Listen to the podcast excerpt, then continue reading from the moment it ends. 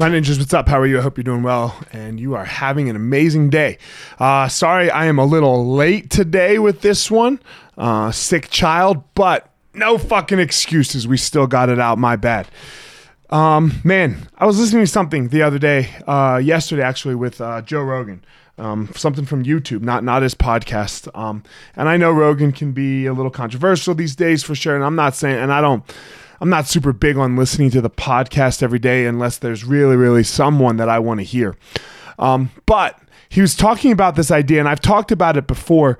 Uh, this idea of uh, we we live our lives in quiet desperation, you know, and it's it's because we we don't chase our dream, you know, and and I've talked about it. We get caught up in bills, yada yada.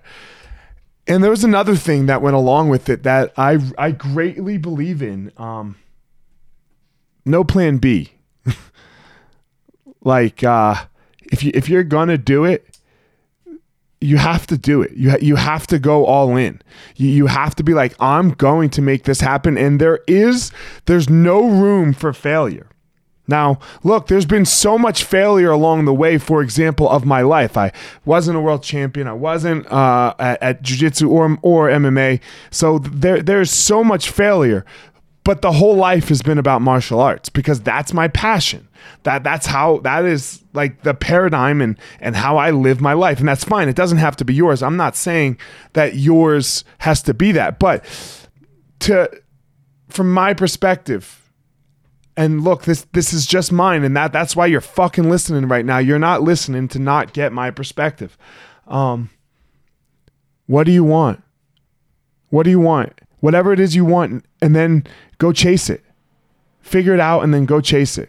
Like, what is your passion? What is that thing that you just are so passionate about? And then make it happen. And I know there's a lot of us, and we're wrapped up in bills and, uh, and kids and, and spouses and mortgage payments and all of these things. Uh, look, it's way easier when you're younger. You know, uh, it, it's way easier to do when you're younger, but fuck it, sleep less. You know, when everyone else goes to bed, stay up. Stay up.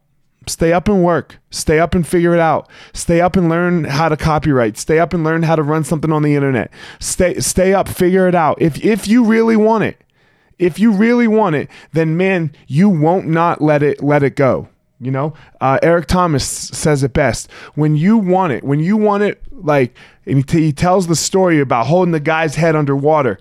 You know, and and he goes, when when you want it, whatever it is, bad enough as you want to breathe. When I'm holding your head underwater, that's when you're gonna not give a fuck about what any of the obstacles are. Until that point,